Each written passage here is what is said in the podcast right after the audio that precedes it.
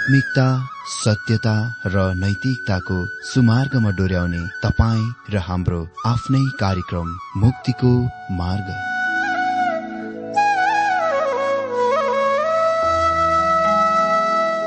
आदरणीय श्रोता यस मुक्तिको मार्ग कार्यक्रममा हार्दिक स्वागत छ। आशा छ यस आत्मिक कार्यक्रमद्वारा जीवनमा आत्मिक आशिष अलौकिक शान्ति र आनन्द प्राप्त गर्नुहुनेछ। र जीवनमा धन्य अनुभव गर्नुहुनेछ।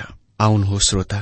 मन र आत्माको तयारीको लागि यो मिठो अनि मधुर भजन गीत सुनौ।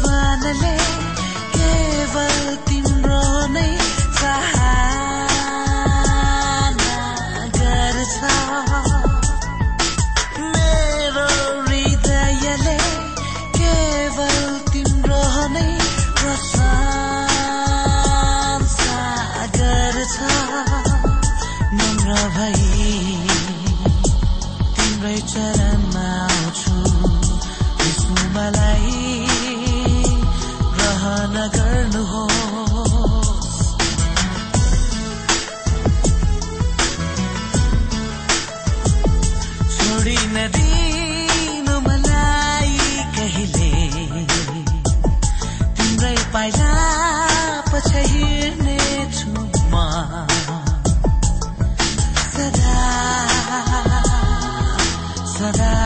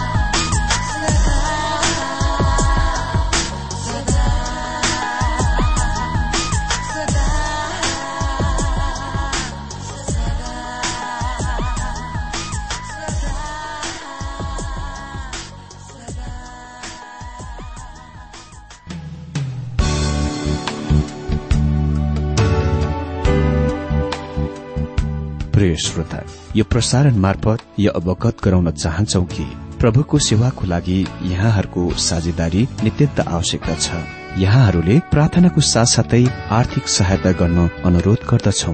तपाईँहरूको सानो भन्दा सानो भेटी किन नहोस्? हामी प्रभुको नाममा स्वीकार गर्नेछौ प्रभुको सेवाको लागि। तपाईँहरूको यो सानो लगानीले कसैको जीवनमा भिन्नता ल्याउँछ अनि प्रभुको महिमा हुन्छ। प्रभु तपाईँहरूलाई महान गरी आशिष दिनुहुनेछ। इच्छुक श्रोताहरूले तपाईँको इच्छा भेटी हाम्रो ठेगानामा पठाउन सक्नुहुन्छ जुन ठेगाना हामी कार्यक्रमको अन्तमा दिनेछौं। प्रिय श्रोता मित्र प्रभु येशु ख्रिष्टको मधुर अनि सामर्थ्यनामा मेरो जयमसी तथा हार्दिक स्वागत छ आजको यो बाइबल अध्ययन कार्यक्रममा। श्रोता हामीले अघिल्ला दिनहरूमा परमेश्वर ज्योति हुनुहुन्छ भन्ने मुख्य विषय अन्तर्गत सर्वप्रथममा प्रस्तावना देख्यौं। त्यसपछि हामीले देख्यौं कि कसरी परमेश्वरसँग संगति पाउन सक्नु वा राख्न सक्नु? वा कसरी हामी परमेश्वरसँग संगति गर्न सक्छौ त? ज्योतिमा हिँडेर। हजुर हामी विश्वासीको नातामा अति नै ठूलो अवसर छ कि परमेश्वरसँग हामी संगति गर्न सक्छौ। तर यस कुराको निप्टनलाई त्यहाँ बाधा छ। योहानाले खास अन्यलताको सामना गर्दछन् जुनका परमेश्वरका प्रत्येक जनहरूले थाहा पाउँदछन्। परमेश्वरसँग मानिसले पाउन सक्ने संगतिको सम्भावना त्यो एक महान मौका हामी विश्वासीहरूसँग छ। तर तुरुन्तै हाम्रा आशाहरू चकनाचुर हुँदछन् जब हामी यस अन्यलताको भेट्दछौ। पहिलो युहना एकको पाँच पदमा हामी देख्छौ कि परमेश्वर ज्योति हुनुहुन्छ अनि उहाँमा अन्धकार छैन। यसको मतलब परमेश्वर पवित्र हुनुहुन्छ। र हामी जान्दछौ कि मानिस अपवित्र छ। कसरी यो खाडी वा दरार अद्भुत उद्धारकर्ता र यो फुच्चे मानिस बीच मिल्न संगम हुन सक्छ? हाम्रो बीचमा अति नै ठूलो भिन्नता छ। हाम्रो बीच दरार खाडी अति नै ठाडो अनि गहिरो छ। त कसरी परमेश्वर र मानिसलाई एकसँग ल्याउन सकिन्दछ त? एकसाथ ल्याउन सकिन्दछ त? कसरी पापी मानिस परमेश्वरसँग हिँड्न गइरहेको छ त। युहना भन्छन् कि परमेश्वर ज्योति हुनुहुन्छ जुन परमेश्वरको परिभाषा पनि हो। त यस्तो पवित्र र ज्योतिको परमेश्वरसँग हामी कसरी संगति गर्न गइरहेका छौँ वा संगति पाउन गइरहेका छौँ त? हाम्रो अन्यलता यो हो म यहाँ पृथ्वीमा पापले भरेको सानो एक फुच्चे प्राणी हुँ। यदि तपाईँ वास्तविकताको जान्न चाहनुहुन्छ भने म पूर्ण रूपमा भ्रष्ट पतित मानिस हुँ। अनि यो तपाईँ सबै मानव जातिको निम्ति पनि लागू छ। हामी सबै उही ड्याङका मुलाहरू हौ। उद्धारको लागि परमेश्वरको अनुग्रह बेगर अलावा म संसारमा केही र कोही पनि थिइन। तर केही र कति पनि असल कुरा नहुने परमेश्वरको विरुद्ध विद्रोहमा हुने एक प्राणी हुने थिए। परमेश्वरले यो बिल्कुल स्पष्ट पार्नु भएको छ। उहाँले मानिसभित्र कुनै असल कुराहरूले बास गरेको पाउनुहुन्न।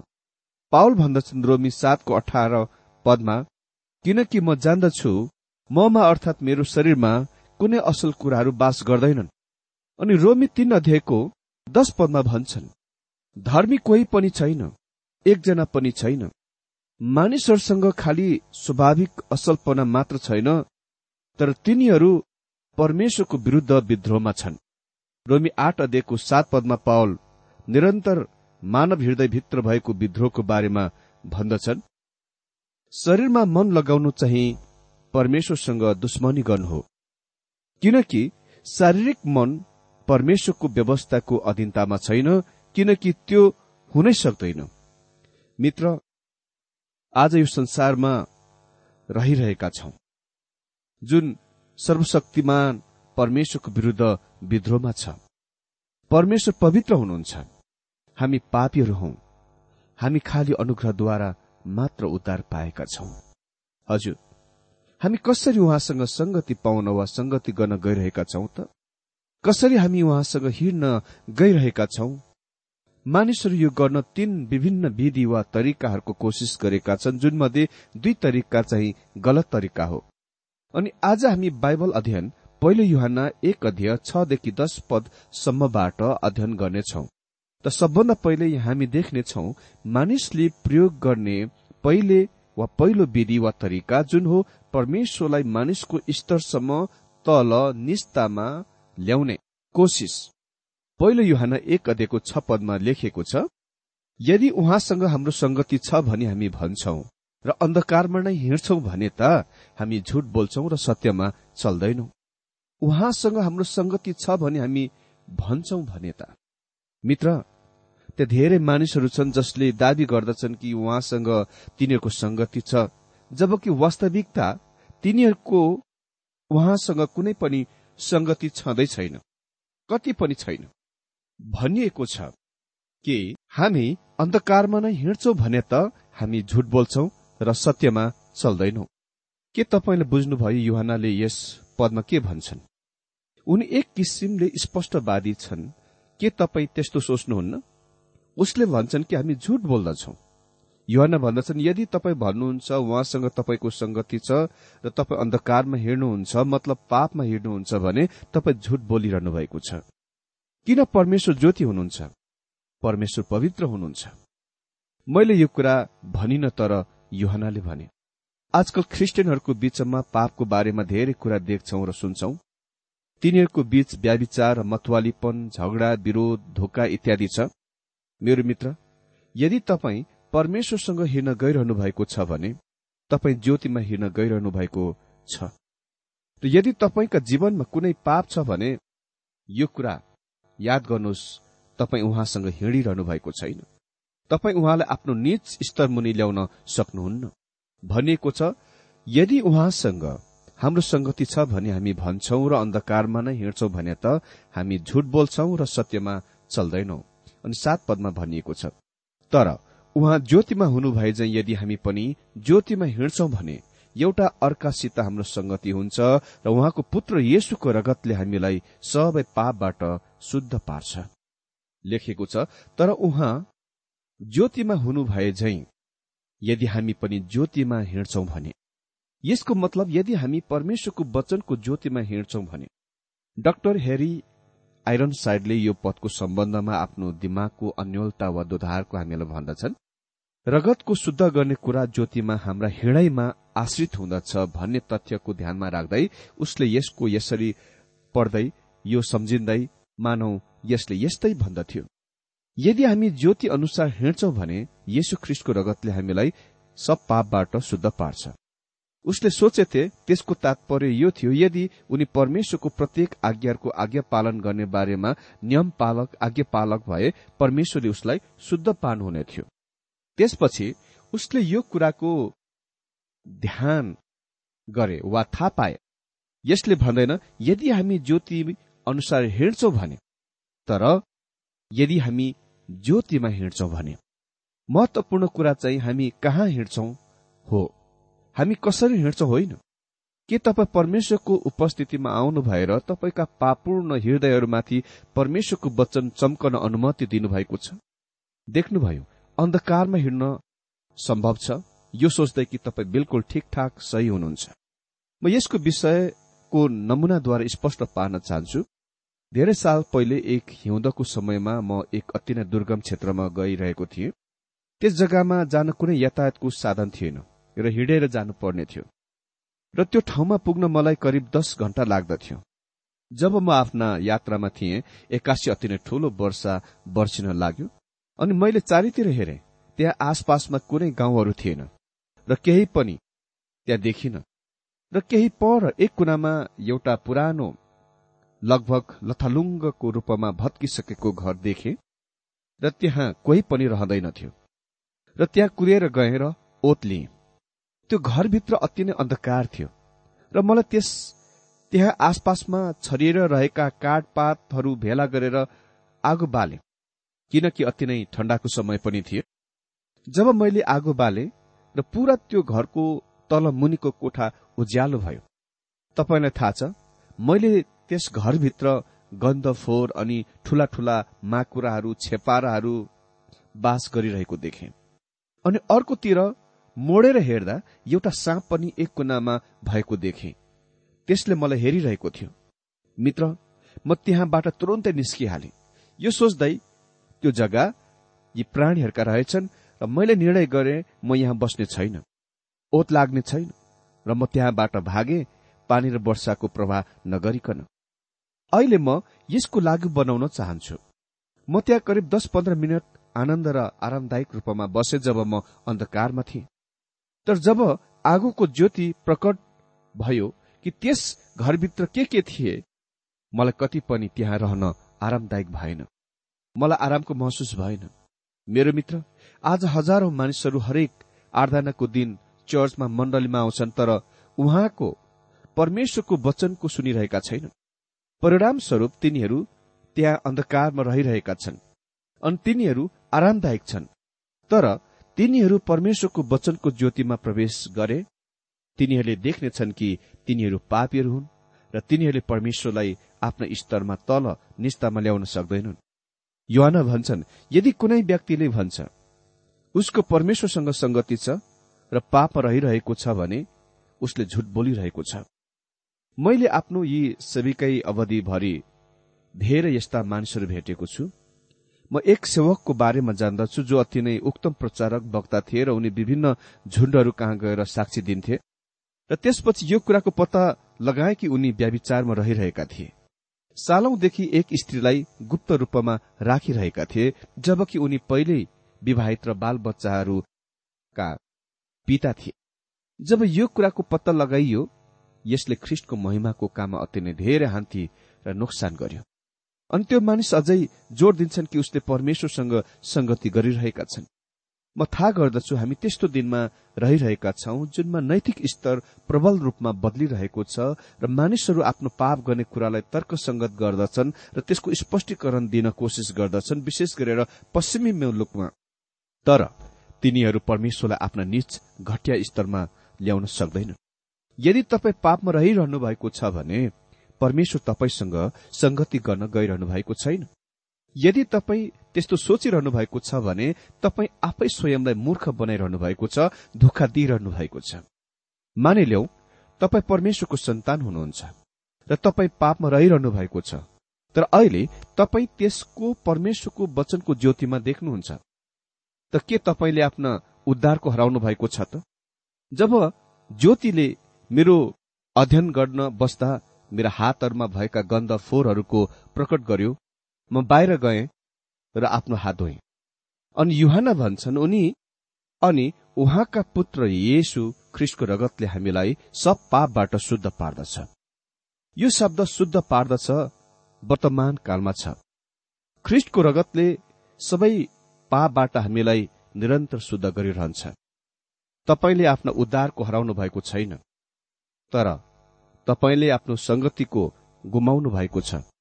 र तपाईँ आफ्नो संगतिको तबसम्म पूर्ण प्राप्त गर्न सक्नुहुन्न जबसम्म तपाईँ शुद्ध गरिनुहुन्न। अर्को कुरा यदि तपाईँ परमेश्वरको परिवारको हुनुहुन्छ भने र तपाईँसँग आफ्नो जीवनमा पाप छ भने परमेश्वरले ख्रिस्टरहित पापीलाई जस्तै व्यवहार गर्न गइरहनु हुने छैन। अन्नज्ञाकारी छोराको रूपमा व्यवहार गर्न गइरहनु भएको छ। उहाँले तपाईँलाई कोरा लगाउनुहुनेछ सजायको लागि। यो कुराको याद राख्नुहोस्। परमेश्वरले दाउलाई कोर्रा लगाउनुभयो तार्न दिनुभयो अनि बाइबलमा धेरै त्यस्ता उदाहरणहरू हामी देख्छौ। मेरो मित्र परमेश्वरलाई हाम्रो स्तरमा ल्याउने कोसिस कति पनि काम खाँदैन। तर यो नै एक विधि हो जुनको प्राय जसो पापूर्ण मानिस र पवित्र परमेश्वर बीच दरारको संगम गर्न जोड्न प्रयासमा प्रयोग गरिन्दछ। अनि दोस्रो प्रयोग गरिएको विधि हो मानिसलाई परमेश्वरको स्तरसम्म ल्याउन कोसिस। तिनीहरू भन्छन् मानिस पाप रहित सिद्धतामा पुगेका छन् र उनी अति नै उच्च पदारमा रहिरहेका छन्। हजुर युहाना त्यस पहुँचसँग व्यवहार गर्छन्। उसको कुरा सुन्नुहोस्।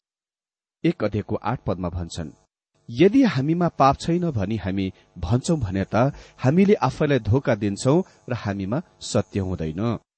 यो झुट हुने कुरा भन्दा झन् धेरै घटिया कुरा वा खराब कुरा हो। जब तपाईँ त्यस स्थानमा पुग्नुहुन्छ जहाँ तपाईँ भन्नुहुन्छ कि तपाईँको जीवनमा कुनै पापै छैन तपाईँमा कति पनि सत्य हुँदैन। यसको मतलब खालि यही मात्र होइन तपाईँ केवल झुट हुनुहुन्छ। यसको मतलब यो हो कि तपाईँसँग सत्य पनि छँदै छैन। तपाईँ आफैलाई धोका दिइरहनु भएको छ। तपाईँ अरू कसैलाई धोका दिनुहुन्न? तपाईँ खालि आफैलाई धोका दिनुहुन्छ। आज त्यहाँ धेरै त्यस्ता विश्वासीहरू छन् जसले सोच्दछन् र दावी गर्दछन् कि तिनीहरू बिल्कुल पूर्णता र सिद्धताको स्थानमा पुगेका छन्। तिनीहरू कति पनि पाप गर्दैनन्। तिनीहरू आफैलाई अति नै महान आत्मिक सम्झन्छन् मैले यस्ता धेरै मानिसहरूलाई देखेको छु भेटेको छु। म यस्ताहरूबाट अलग हुने कोसिस गर्दछु।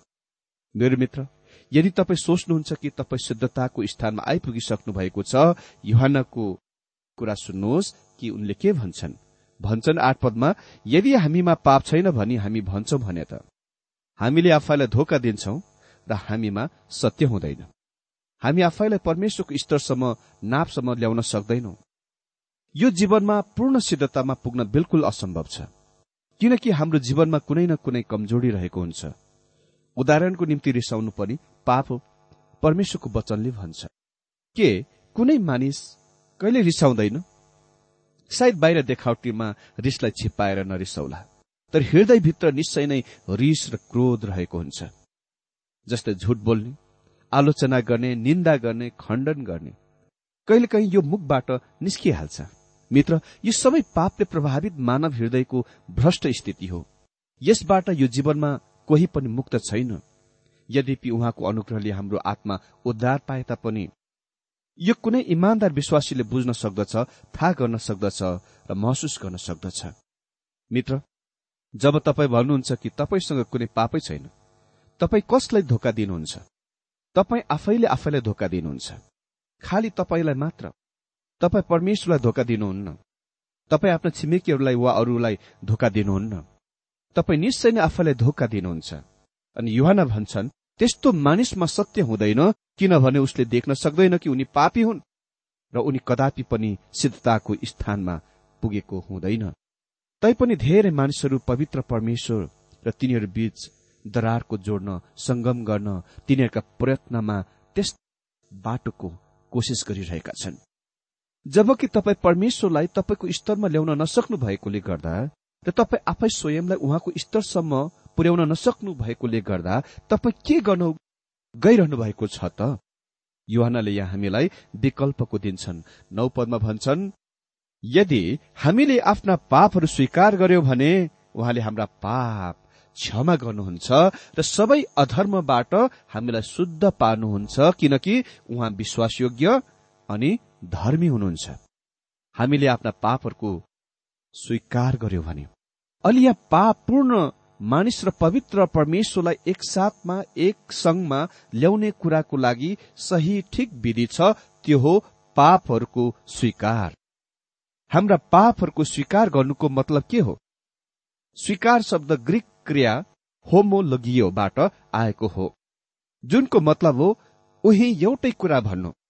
लोगियो को मतलब भन्नु हो र हुमको अर्थ हो उही। तपाईँले उही कुरा भन्नु पर्दछ जुन परमेश्वर भन्नुहुन्छ। जब परमेश्वरले आफ्ना वचनमा भन्नुहुन्छ कि तपाईँले जुन कुरा गर्नुभयो त्यो पाप हो। तपाईँ परमेश्वरको पक्षमा आउनु पर्दछ र त्यसमा हेर्नु पर्दछ र तपाईँले भन्नु पर्दछ हा प्रभु तपाईँ सही हुनुहुन्छ। बिल्कुल सही बोल्नु भएको छ। तपाईँले ठिक भन्नुभयो प्रभु। म उही कुरा भन्दछु जुन कुरा तपाईँ भन्नुहुन्छ कि यो पाप हो। यही नै तपाईँको पापहरूको स्वीकार गर्नु भनेको तात्पर्य हो। मित्र यो नै मण्डलीमा सबभन्दा अति आवश्यक कुरा हो। यो नै क्रिस्चियन विश्वासीको लागि आफ्नो जीवनमा भएका पापहरूसँग व्यवहार गर्ने परमेश्वरको तरिका अनि विधि हो। केही दिन पहिले म एक पुरुषसँग कुरा गरिरहेको थिएँ जो अति नै गहिरो समस्यामा थिए। उसले आफ्नो पत्नीलाई त्यागे छुटा नाम गरे सम्बन्ध विच्छेद गरे। उसले आफ्नो पत्नीलाई अविश्वासी बे इमान्दारी भएको भेटाए। उसले आफ्नो परिवार गुमाए। उसले आफ्नो घर नोकरी सबै गुमाए। उनी अति नै निरुत्साहित मानिस थिए। उसले मलाई भने म परमेश्वरको सेवा गर्न चाहन्छु किनकि म विफल भए। म पूर्ण रूपमा विफल हुँ असफल हुँ। मैले उसलाई खुलाम भावले भने मेरो छेउमा नरौ गएर परमेश्वरलाई यसको बारेमा बताऊ। वा चाहनुहुन्छ तिमी उहाँ कहाँ आएको? उहाँलाई भन तिमी विफल भयौ असफल भएका छौ। उहाँलाई भन कि तिमी गलत र खराब भएका छौ। उहाँलाई भन तिमी उही कुरा तिम्रो पापको बारेमा भन्न चाहन्छौ जुन उहाँ यसको बारेमा भन्नुहुन्छ। उहाँको सहायताको खोजी गर। वा तिम्रो पिता हुनुहुन्छ। तिमी परिवारमा छौ। तिमीले उहाँसँग संगतिको गुमायौ तर तिमी उहाँसँगको आफ्नो संगतिको पुनस्थापन गर्न सक्छौ।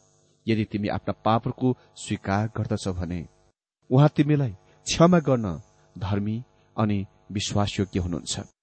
हामीले हाम्रा पापहरूको स्वीकार गरेपछि परमेश्वर के गर्नुहुन्छ त? उहाँले हामीलाई शुद्ध गर्नुहुन्छ। उडौ पुत्रको दृष्टान्तमा त्यो उडौ पुत्र टाढाको देशबाट दुर्गन्ध र फोहोरसँग घरमा वापस फर्किआए। किनकि उनी सुँगुरको खोरमा रहन्थे। जब उनी घरमा वापस फर्किआए उनको पिताले उसलाई त्यो गन्ध फोहोर शरीरमा नयाँ कपडा लगाइदिँदैन। त्योभन्दा पहिले उसलाई नुहाई धुवाई गरिदिए तब मात्र उसलाई कपडा लगाइदिए। अनि अर्को दिन बिहान त्यस केटाले पितालाई भनेनन् पिता म फेरि टाढाको देशमा जानेछु अनि सुँगुरको खोरमा रहनेछु। अह त्यस केटाले त्यो भनेन। जब तपाईँ आफ्ना पापहरूको स्वीकार गर्नुहुन्छ यसको मतलब यो हो तपाईँ त्यो पापबाट फर्किसक्नु भएको छ। यसको मतलब हो तपाईँले उही कुरा भन्नु भएको छ जुन परमेश्वरले भन्नुभएको छ। पाप भएन कुरा हो। परमेश्वरले यसको घृणा गर्नुहुन्छ। तर स्वीकार गर्ने कुराले तपाईँको पितासँग तपाईँको संगतिको पुनः स्थापन गर्दछ। युवानाले यो भन्दै आफ्नो कथनको अन्त गर्दछन्। दश पदमा भन्छन् यदि हामीले पाप गरेका छैनौं भने हामी भन्छौं भने हामी उहाँलाई झुट ल्याउँछौ र उहाँको वचन हामीमा हुँदैन। अहिले परमेश्वरलाई झुट नबनाउनुहोस्। मित्र किन तपाईँ प्रभु कहाँ जानु भएर आफ्नो हृदय खोल्नुहुन्न र उहाँलाई सम्पूर्ण कुरा बताउनुहुन्न? उहाँलाई तपाईँको एक एक कुराहरूको थाहा छ अनि तपाईँको समस्याहरूको बताउनुहोस्। उहाँले तपाईँको पापहरूलाई भन्नुहोस्। उहाँले तपाईँको कमजोरीको भन्नुहोस् यो सबै उहाँको सामने स्वीकार गर्नुहोस् र आफ्नो पितालाई भन्नुहोस् कि तपाईँ उहाँसँग संगति गर्न चाहनुहुन्छ तपाईँ उहाँलाई सेवा गर्न चाहनुहुन्छ। मित्र उहाँले पुनः उहाँ कहाँ वापस फर्की आउने अद्भुत तरिका बनाउनु भएको छ।